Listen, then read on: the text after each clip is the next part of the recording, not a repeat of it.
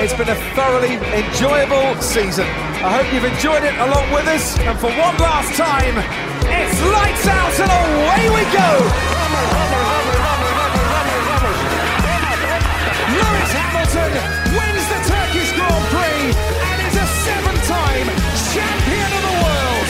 That was a smooth operator. Smooth operator.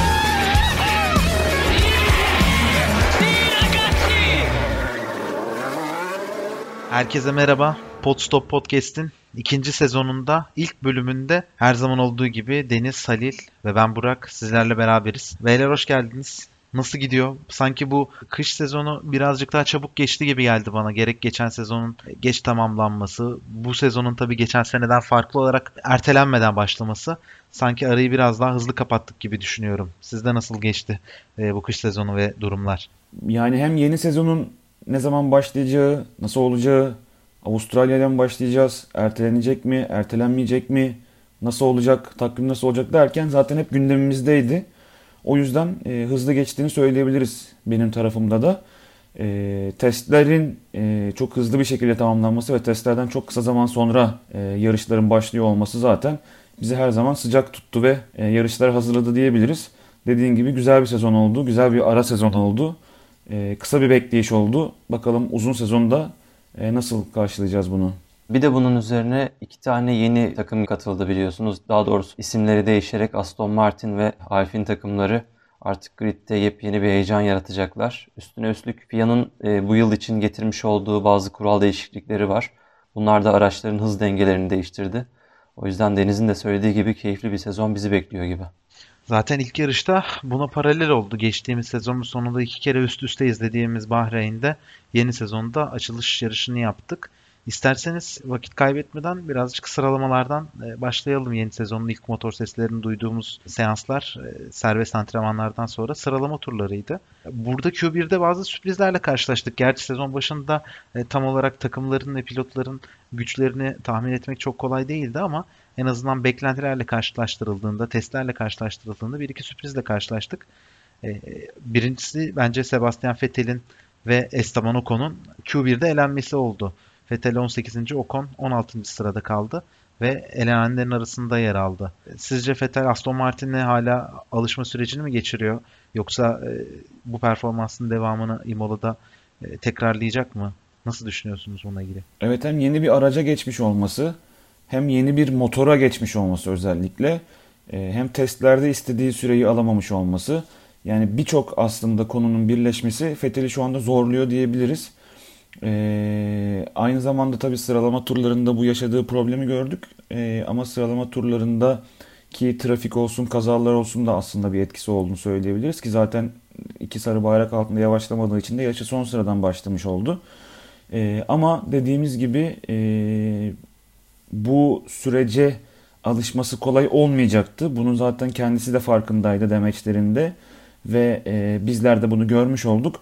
Ben Imola'da bunu tekrarlamayacağını düşünüyorum ve artık e, yavaş yavaş o Fethel'i görmeyi planladığımız ya da herkesin görmeyi planladığı e, Aston Martin'le beraber daha yukarılarda e, göreceğimiz yerlerde yavaş yavaş izlemeye başlayacağız diye düşünüyorum Imola ile birlikte.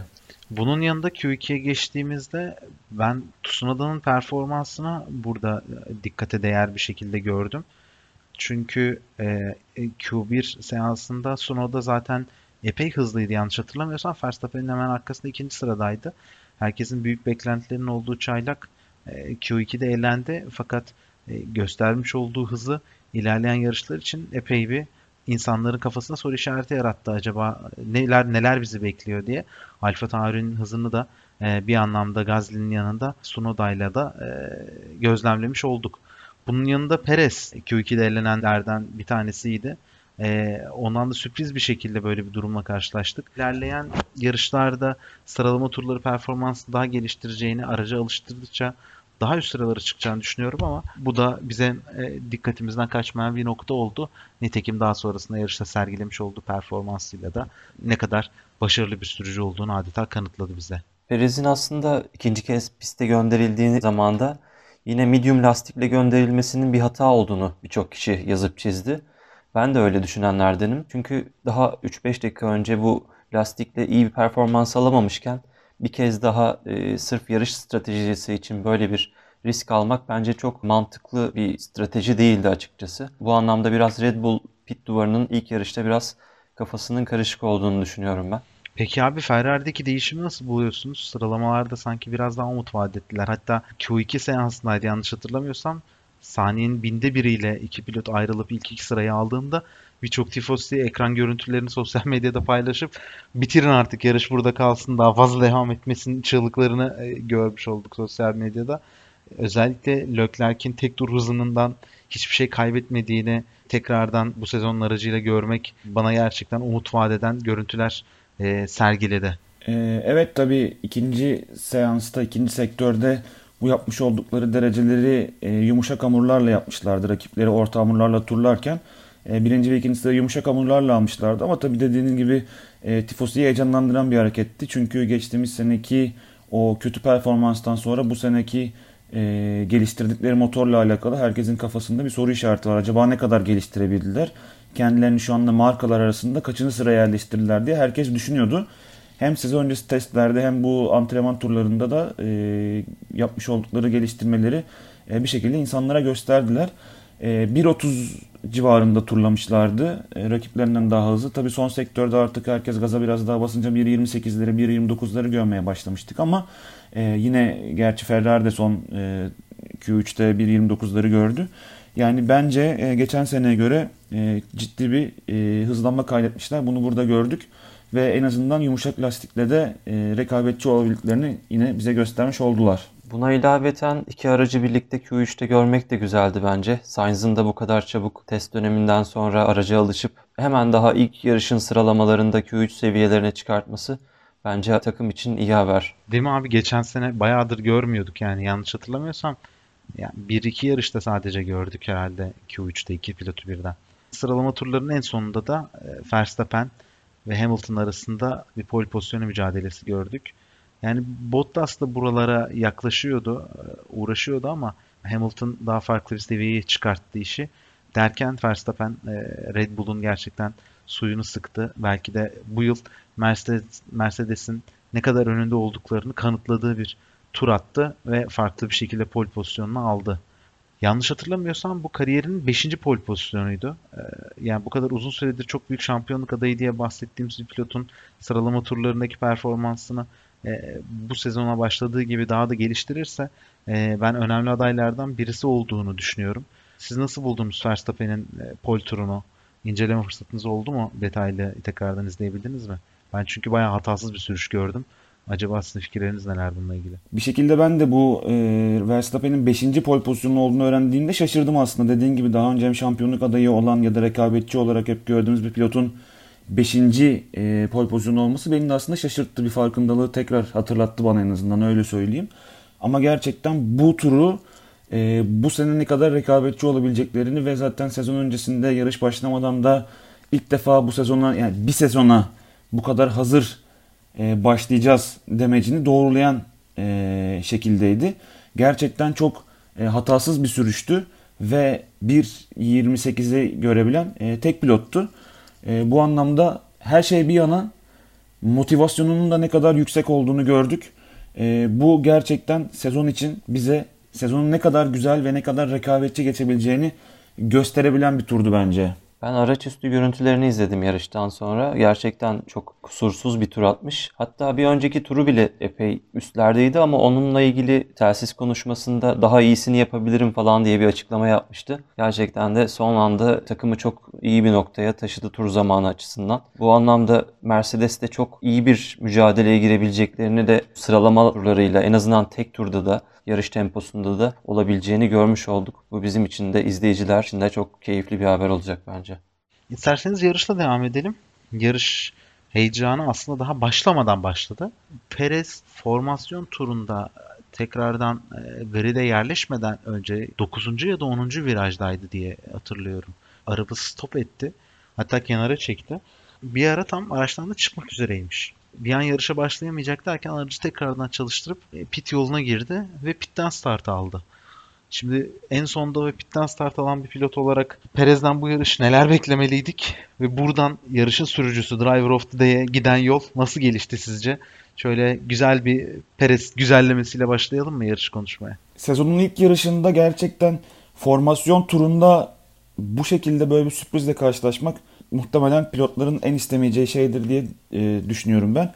Tam bir de araçtan çıkacakken yani düşünün bütün o yarışa bütün hafta sonuna alışıyor, bütün hafta sonuna e, motive olmaya çalışıyorsun, konsantre olmaya çalışıyorsun, start anını düşünüyorsun, kalkışı düşünüyorsun derken bir anda araç stop ediyor, ışıklar sönüyor, çalıştırmaya çalışıyorsun, çalışmıyor.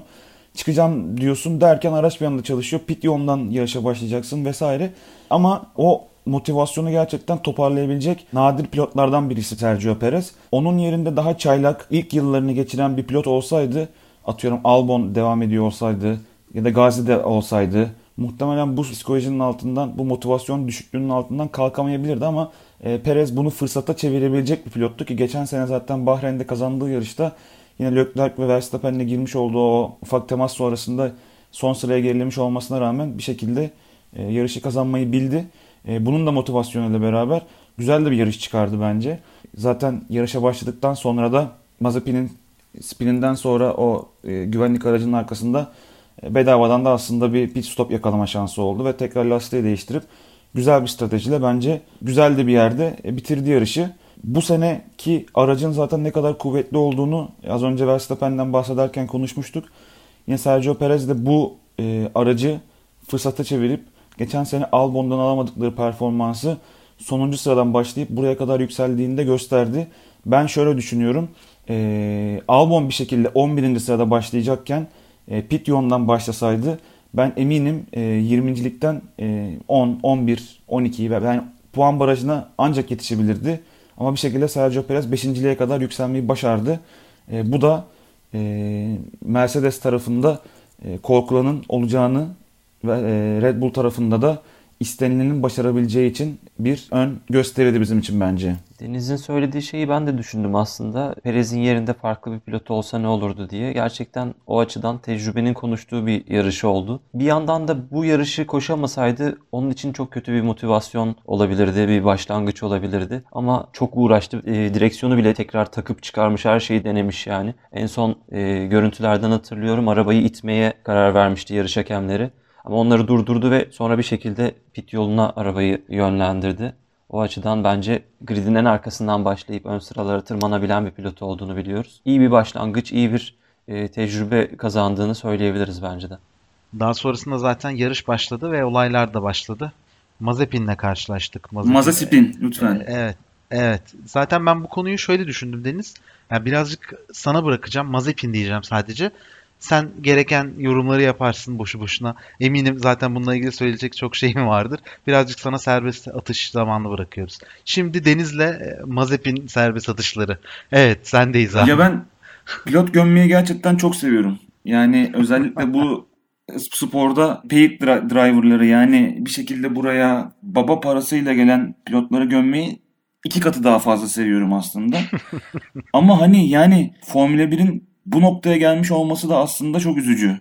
Ya bu kadar yetenekli pilot dışarıda kalıyorken tamam geçtiğimiz sene Formula 2'de 5. bitirmiş e, bir şekilde aracı kontrol edebiliyor ya da Formula 2'de bir şeyler başarmaya çalışıyor falan ama yani antrenmanlarda e, test sürüşlerinde yine araca dair e, kontrol edebilmeye dair herhangi bir şey gösteremedi bize. Bunu çaylaklığa da verebiliriz gerçi ama bu sene gerçekten e, Haas için yani Mazepin'in takımda olmasının tek temel tek olayı para olduğunu bize kanıtlıyor. Ya umarım önümüzdeki yarışlarda bir şekilde alışıp bizi şaşırtır, bizi yanıltır, utandırır hatta öyle söyleyeyim. Ama yani ilk yarıştan da hani gömüp de e, şeyimi çıkarmak istemiyorum bu öfkemi ya da bu şeyimi atmak istemiyorum. Biraz daha doldurmak istiyorum kendimi. Hani bu süreçte umarım beni e, utandırır ama birkaç yarış daha e, gömebilmek için bekleteceğim kendimi öyle söyleyeyim. Ya ben zaten kesin bununla ilgili fikirlerin olduğunu düşünerek yani önceden hazırlanmadan bu pası attım. Neyse ki dolu olduğunu hissettik ama sezonun diğer bölümlerine bıraktın geri kalan kısmını diye düşünüyorum. Sonrasında yarış e, Mazepin'in aracı pistten temizlendikten sonra e, güvenlik aracı devreye girdi ve güvenlik aracının çıkışıyla tekrardan başladı. Verstappen epey yavaşlattı konvoyu. Başlangıç sonrasında devam eden turlarda yavaş yavaş farklar açılıp diziliş oluşmaya başladı ama o esnada Norris'in e, tekrardan yükselişi bence herkesin dikkat ettiği konulardan birisi oldu. En iyi yükseliş yapanlardan bir tanesi Norris, bir tanesi de arkalardan Sebastian Vettel'di. Ee, ama Norris'e dönecek olursak McLaren'in gerçekten testlerden bu yana geldiği gibi hem dayanıklı hem de daha hızlı bir araç olduğunu ve 3. sırayı yani bunu söylemek için erken olsa da 3. sırayı alabilecek bir araç gibi göründüğünü söyleyebiliriz. Norris'in de performansı yeni takım arkadaşı Ricardo'ya göre e, gayet iyiydi. Norris'in genelde zaten sezon başlarında iyi bir çıkış yaptığını, zaman içerisinde yavaş yavaş performansını kaybedebildiğini görüyoruz. Bu da öyle bir sene olabilir ama umarız ki sene boyunca Ricardo ile beraber e, iyi bir sezon geçireceklerdir. Bunun sinyallerine biraz olsun birinci yarış vermiş oldu bence. İlk tur zaten takım arkadaşını geçtikten sonra, Ricardo'yu geçtikten sonra ve Gasly'nin o e, temasından sonra e, hemen Leclerc'in arkasında buldu kendisini ve çok çabuk sırada Leclerc'i de geçti. Zaten McLaren'ın da e, gelebileceği yer yani en azından Red Bull ve Mercedes'i düşünürsek burasıydı. Ve kendisini zaten dördüncü sıraya konumlandıktan sonra bütün yarışta zaten dördüncü sırada devam etti. Burada önemli noktalardan biri en azından Norris demişken McLaren'la beraber e, Ricardo da yarışı e, 7. sırada tamamladı. E, önünde zaten Mercedesler, Red Bull'lar e, ve takım arkadaşı artı bir de e, Leclerc vardı. E, bu sene gerçekten e, Ricardo'nun takıma biraz daha alışmasıyla beraber konuşmak için erken gerçi ama McLaren 3. E, en iyi takım olabilme potansiyelini daha ilk yarışta bize gösterdi. Ve e, Ricardo'nun da e, McLaren'e ne kadar çabuk e, adapte olduğunu da e, bu yarışta gördük. Ee, devam eden dakikalarda Mercedes'in ikinci sırada devam ederken Verstappen'e üstünlük sağlamak için undercut yaparak öne geçmek e, adına bir pit stop yaptığını gördük. Tabi Max Verstappen'i avlayabilmek için belki yapılabilecek en iyi hamle e, ya da ellerindeki tek hamle bu gibi görünüyordu açıkçası. Ben burayı birazcık değerlendirmek istiyorum. Max Verstappen'in biraz geç kite girdiğini düşünenlerdenim açıkçası. Sizce Hamilton'la beraber yani bir tur sonrasında pite gelseydi pist üstündeki avantajsız durumu avantajlı duruma çevirebilir miydi? Siz neler düşünüyorsunuz? Bence kesin olurdu abi. Ya ben zaten şey olduğunu düşünüyorum. Red Bull'un yarış ta yapmış olduğu stratejik hataların o noktada başladığını düşünüyorum. Hatta ben Hamilton'dan önce Verstappen'i almaları alacaklarını bekliyordum. Yani her ne kadar e, lastikleri iyi olsa da yol tutuşu iyi olsa da hatırlayın Hamilton pite girdiğinde zaten dedi ki yani daha gidebilirdim bir sıkıntım yoktu dedi. Yani Mercedes onu bilerek undercut e, hedefiyle zaten içeri aldı. Ama ben Red Bull'un neden bu hamleyi yapmadığını anlamadım. En kötü yani Hamilton'ın girdiğini gördükten hemen sonraki tur bence bu adımı atabilirlerdi, atmalıydılar. Oradan sonra zaten iyice fark açıldı. 4 tur sonra pite girmesi Hamilton taze lastik performansını hem en üst düzeye çıkarttı hem de Verstappen bitik lastiklerle aradaki farkın kaybolmasına sebep oldu. Sonrasında da zaten bu stratejik hatalar kendini göstermeye devam etti. Ama elinizde Hamilton gibi bir pilot varken de gridde Hamilton gibi bir pilot varken de bu konuşmaları çok rahat yapamıyoruz. Yani çünkü eğer Verstappen'le Hamilton aynı turda e, pite girebilseler de eğer ki aralarında bir yaklaşık e, kaç tur vardı tam 4 tur. Evet özür dilerim 4 tur geç girdi. Bu sefer de mesela şeyi konuşuyor olabilirdik. Ya Hamilton'a bak ne kadar iyi lastik saklıyor. Yani ilk pit stoplarda beraber girdiler ama ikinci pit stoplarda lastik iyi sakladığı için birkaç tur daha geç girip taze lastik avantajıyla Verstappen'i geçtiği de konuşabilirdik. Yani şu anda e, konuştuğumuz pilotlar Verstappen ve Hamilton olduğu için e, bu tarz stratejileri sorgulayamıyoruz bile. Belki de gerçekten Red Bull'un e, planı tam bu düşündükleri gibi olan gibi yarışta son turlara yakın geçmekti ve yarışı o şekilde kazanmak daha kesin bir kazan, kazanmaktı. E, çünkü artık gridde bir Hamilton var. Hamilton gerçeği var ve Red Bull'un e, bir şekilde zar atıyorken bunu da düşünerek atıyor olması gerekiyor. Yani Hamilton yerine farklı bir pilot olsa belki çok daha farklı stratejiler kurabiliyor olabilirler ve bu da üzerlerinde zarları atarken farklı psikolojik baskı oluşturuyor olabilir. Ya bu anlamda baskıları ve bu savaşları bu sezon boyunca eğer bu performansını devam ettirirlerse çok yaşayacaklar.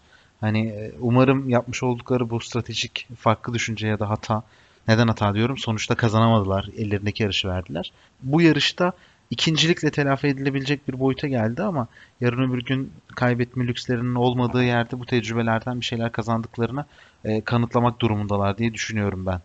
E, sonrasında zaten uzunca bir süre e, Verstappen Hamilton mücadelesini bekledik.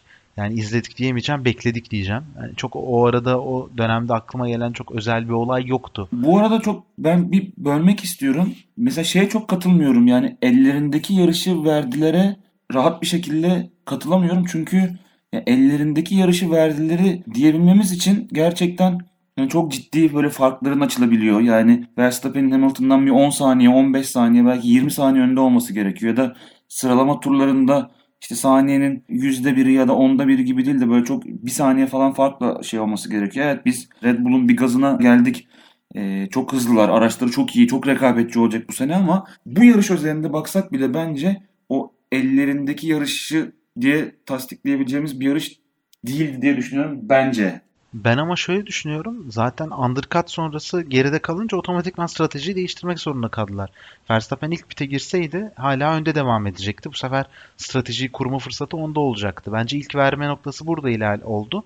Daha sonrasında da yani maalesef e, işte Verstappen artık çok olgunlaştı, çok değişti. Sürüş çok olgun diyoruz ama hala geçiş fırsatlarını yaratırken, yaşarken ve bunu tecrübe ederken yani o eksikliğini, o, o hırsını görüyoruz yani. E, beklese Hamilton'ı o e, virajda geçiş yapmayı denemese dışarı taşarak. Yani bir sonraki hemen sağ dönüşteki olan virajdan sonra DRS açılacak. Yani çok rahat bir şekilde geçecek belki de.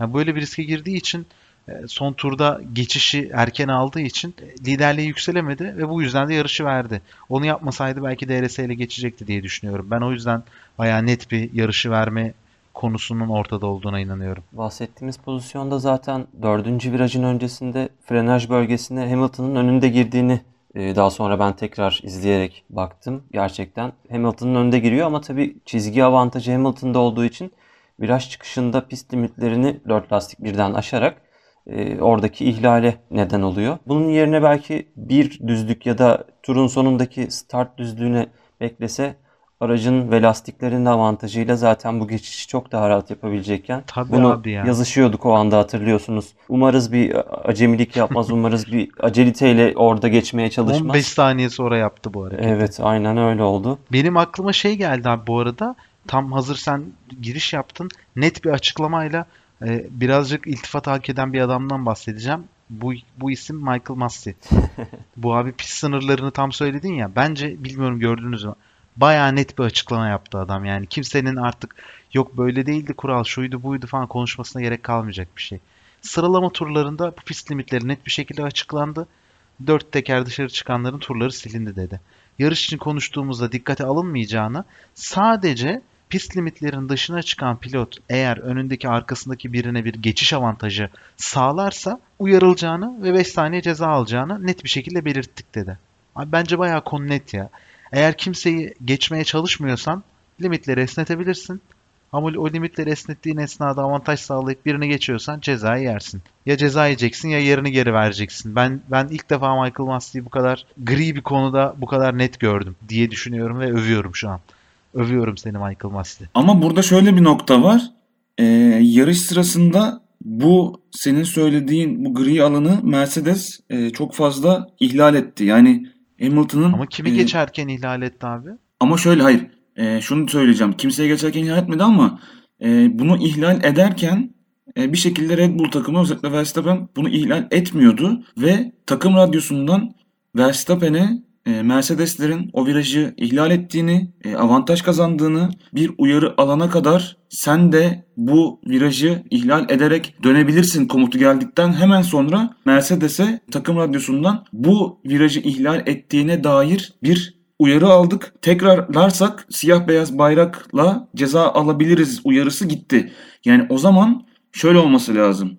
Ya yarışın başından sonuna kadar Mercedes'e böyle bir uyarı gelmeyecekti. Red Bull'un bu yapılan e, Verstappen'le olan tersiz görüşmesinin üzerine böyle bir e, şey yapmayacaklardı. E, bırakacaklardı. Red Bull da yapacaktı, Mercedes de yapacaktı, diğer takımlar da yapacaktı. Kimseyi geçmeden kullanabileceklerdi. Ya da en başında Red Bull bunu söylemeden uyaracaklardı. Yani o alanda biraz e, yönetim tarafında bir problem oldu bence ama dediğinde çok haklısın. aslında net çizilmiş bir şey vardı ama yarış esnasında takımların birbirine atfederek yapmış oldukları bu telsiz görüşmelerinin üzerinde de e, Mercedes'i uyarmak durumunda kalmışlardı aslında. Yarış sırasında bir nevi kurallar değiştirilmiş oldu böyle bir durumda. İyi yönetilmediğini söyleyebiliriz bu açıdan ama onun dışında bütün e, her şey daha öncesinde belirlenmişti. Fakat bu olaya biraz da şöyle yaklaşmak lazım. Biz bu sene çok keyifli bir Verstappen-Hamilton mücadelesi izleyebileceğimizi düşünüyoruz. Bu açıdan da Red Bull takımının da Verstappen'in de kendilerine ders çıkarabileceklerini ben düşünüyorum. Çünkü her ne kadar beklentilerin dışında kararlar ve stratejiler de yapsalar Red Bull takımı bir şeyleri çok çabuk adapte olan takımlardan bir tanesi bence. Ve bu durumu da bir şekilde avantaja çevirebileceklerini sanıyorum. Verstappen tarafından baktığımızda da evet aceleci ve zaman zaman böyle hala tam pişmemiş olduğu pozisyonlarda bıraktığı durumlar olabiliyor ama eğer ki Mercedes gelişim gösterip aracını tekrar hızlandırma şansını yakalayamazsa e, gerçekten bir dünya şampiyonuyla koca bir sezon boyunca mücadele verecek ve bu onu çok olgunlaştıracağını düşündüğüm bir durum açıkçası. Diyerek isterseniz arada konuşmadığımız Fetel ve Okon e, mevzusuna da şöyle bir giriş yapalım. Bununla ilgili de Hemen onun öncesinde bir şey ekleyebilir miyim? Bu Tabii senin ki. söylediğin Red Bull'un öğrenmesi gereken konularla ilgili. Şimdi ben şöyle düşünüyorum. Bu ya birçok sporda böyle. Yani çok iyi sporcular var. Çok iyi atletler var. Geçmişlerinde büyük başarılar var. Fakat her ne olursa olsun, her kim olurlarsa olsun, hangi dalda olurlarsa olsun sporda bir de form durumu var. Yani formunda olmak gerçekten e, o e, sınırlarını e, aşabildiği yerler oluyor bu profesyonel atletlerin. Bunun aynısı aynı futbol takımlarında teknik direktörlere, işte basketbol antrenörlere de e, başında gelebiliyor form durumu. Ben bu anlamda baktığımızda yani geçmişinde 4 tane şampiyonluk olan Christian Horner'lı Red Bull'un bu tarz stratejik konularda ve aksiyonlarda e, önemli bir tecrübesinin olduğunu düşünüyorum ama tek sıkıntı Horner uzun süre bu mücadelenin dışında ve uzağında kaldığı için net bir şampiyonluk mücadelesi bir türlü veremediği için form olarak birazcık düşüşte. Yani birkaç haftaya Christian Horner'ı da toparlayıp buna göre alternatifler geliştirebilirse e, ben o anlamda Red Bull'un da tekrardan farklı bir seviyede bu yarışa dahil olacağını ve sezon içerisinde çok ayrı e, stratejik oyunları, satranç oyunlarını pist üzerinde göreceğimizi düşünüyorum. Onu ekleyeyim. Ondan sonra sana sözü bırakayım Ali. Ee, Sebastian Vettel ve Ocon olayına gelirsek Ocon'un sol taraftan onu geçmesinden hemen sonra e, kendi yarış çizgisinde devam ederken Sebastian Vettel'in onun çizgisine doğru kayıp geç frenlemeyle arkadan ona vurduğunu, çarptığını gördük. Temastan daha fazlası bence bu. Ve tabii ki Ocon'un bu durumla beraber çok daha gerilere kaymasına sebep oldu. Talihsiz açıklamalarıyla da beraber gerçi sonra yarış sonunda el sıkıştılar, e, gönlünü aldı belki ama konuşmalarıyla beraber aslında biraz e, antipatik görüldü. Zaten bütün hedeflerin ucunda olan e, sürücülerden bir tanesi Vettel. Sizler neler düşünüyorsunuz? Bu pozisyonu nasıl değerlendirdiniz? Deniz Vettel de gömecek misin? Sana verelim mi? Yok yok ona da biraz süre vermek zorundayız. Şu anda alışma sürecinde olduğu için ona da biraz süre vermek zorundayız ama yani Ama normalde geçen senenin son yarışında şu olayı yapsa sağlam gömerdin değil mi? En azından onu söyle. evet evet tabii zaten Ferrari ile beraber olduğu için zaten ayrıca gömerdim de şu an mecburen ona da biraz süre vermek zorundayız. Yalnız burada şöyle bir nokta var. Evet, yarış sonunda bir 10 saniye ceza aldı ama ya zaten baraj, puan barajında olmadığı için onu çok fazla etkileyen bir durum söz konusu olmadı. Bu sene e, yine Michael Massey'nin ilk tur temaslarıyla alakalı bir açıklaması olmuştu. Yani geçtiğimiz sene zaten birçok yarışta ilk tur teması görmüştük ve araçların artık birbirlerine en azından bir e, bir araçlık mesafe bırakmaları konusunda bir e, paylaşım yapıldığını ve e, takımların ve pilotların bu ilk tur temaslarından kaçınması gerektiğine dair bir e, sezon öncesi takımlarla konuşma olduğunu duymuştuk zaten. E, bu tarz e, cay, yani mesela yarış sonunda Vettel'e eklenmiş olan 10 saniyenin ben caydırıcı bir ceza e, olmadığını düşünüyorum. E, tabii ki de kimse istemez yarış sırasında böyle bir temas yaşamak, böyle bir problem e, ortaya çıkmasını ama e, bence mesela yarış sonunda verilmiş olan bir 10 saniyelik cezanın herhangi bir caydırıcı etkisi olmuyor. E, henüz tabii bir ilk tur teması görmedik pilotların arasında ve ilk tur teması sonrasında nasıl bir ceza ile karşılaşacağını göremedik belki ama e, bu tarz temasların cezalarının daha caydırıcı olması gerektiğini düşünüyorum ben. Vettel'den e, bağımsız bir yorum yapmak istedim bu konuda. Ya ben de aslında çok böyle ayrıca detaylı bir şekilde yani girmeyeceğim o konuya. Sadece Vettel'in yorumları birazcık şey oldu. Yani ne yaptığını zannediyor, niye yönünü değiştirdi falan dedi de yani adam virajı dönecekti yani. Ben o yüzden o noktada çok katılmıyorum. Vettel'in hala Ya orada eski bir şampiyonun e, kötü birkaç sezon sonrasında yeni takıma adapte olup kendini kanıtlama isteğinin, ilk yarıştaki isteğinin e, kötü başlaması, gridin sonundan başlaması sonrasında bir şekilde yük- yükselmeye çalışmak ve o psikolojiyle alakalı hızlı bir reaksiyon vererek onu söylediğini düşünüyorum ki zaten hepimiz bunun yarış sonunda gelip zaten özür dilemişti. O anlık bir e, o reaksiyonla alakalı söylemişti zaten ama azıcık anlayan e, bunun tamamen kendi hatası olduğunu e, görecektir diye düşünüyorum. Bu arada Vettel'in starttaki reaksiyonunu da hatırlamak lazım. Vettel'le ilgili benim yarıştan hatırladığım iki şey. Geçişleri iyiydi. Onun 14. sıraya kadar tırmandı. Ee, Alonso'yla güzel bir mücadeleye girdiler. Ee, 25 tur yaklaşık 25 tur kullanılmış lastikle beraber Alonso'yu geçmeyi başardı. Sıralamada bu kadar geri kalmasının nedenlerini konuştuk ama önümüzdeki yarış haftalarında sıralamada kendini daha öne taşıyabilirse daha güzel şeyler yapabileceğini düşünüyorum. Tabii Aston Martin'in aracı geçen yılki araç kadar bizi heyecanlandırmasa da yine de gridin bu kadar gerilerinde kalmayabilir. Ben son bir şeyi sadece size hatırlatayım dedim. Yarışı da isterseniz öyle kapatmış oluruz. Bu Hamilton Verstappen mücadelesinde Verstappen iyice yaklaşmaya başlarken son iki tur Bono sürekli Hamilton'a bilgi veriyordu ama şeyi fark ettiniz mi abi? Tam orada da tweet atmıştım. Hammer Time başlıyor herhalde konsantre oldu diye. Bono'ya şey dedi. Bono tamam artık sessiz olalım bunu bana bırak dedi. Verstappen artık aynı karede görülmeye başlandıktan sonra. Yani böyle şeyler söylemek çok kolay değildir ama söyledikten sonra da arkasını doldurabilmek gerekir. Hamilton hep bunları dolduruyor farkındaysanız. Ondan sonra ne kadar büyük bir pilot olduğunu bunun gibi yerlerde de ka- kanıtlıyor. Belki Hamilton Verstappen'e orada geçiş yapabileceği bir fırsat sunmaya çalıştı. Belki buradan atarım, belki buradan fırsat sağlarım diye de düşünmüş olabilir.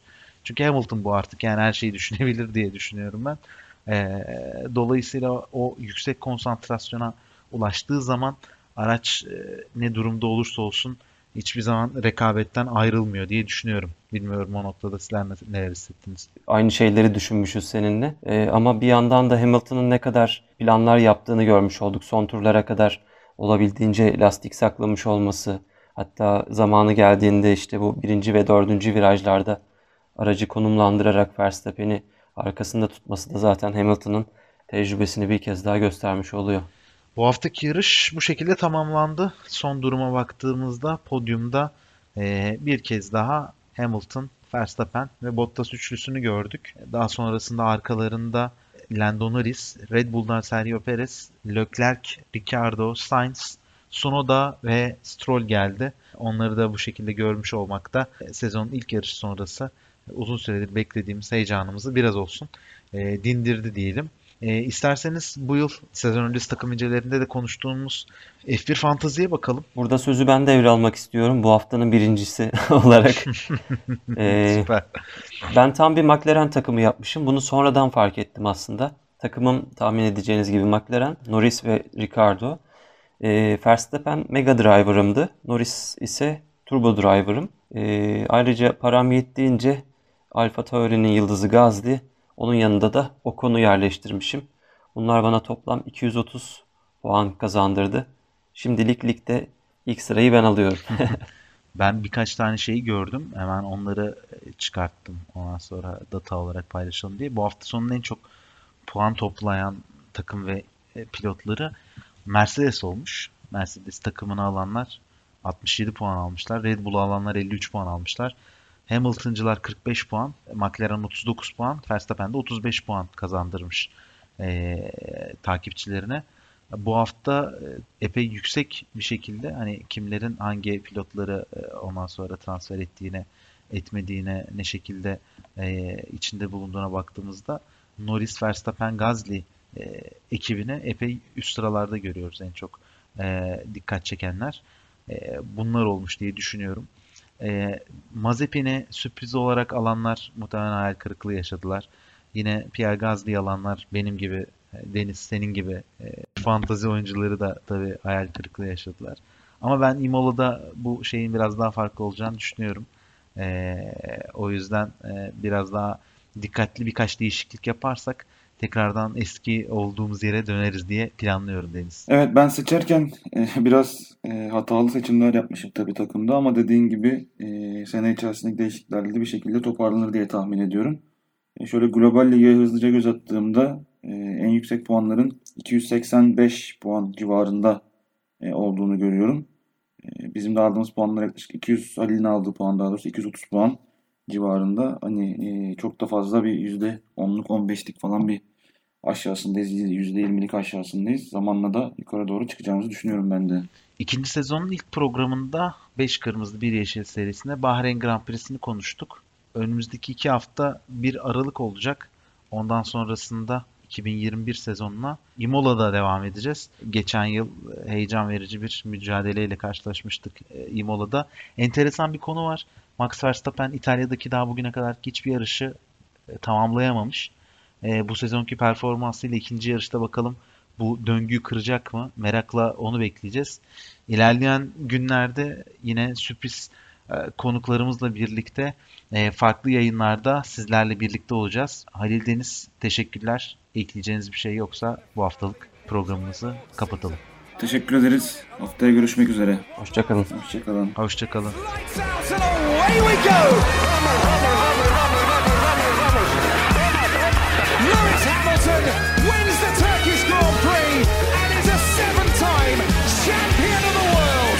That was the smooth operator. Smooth operator.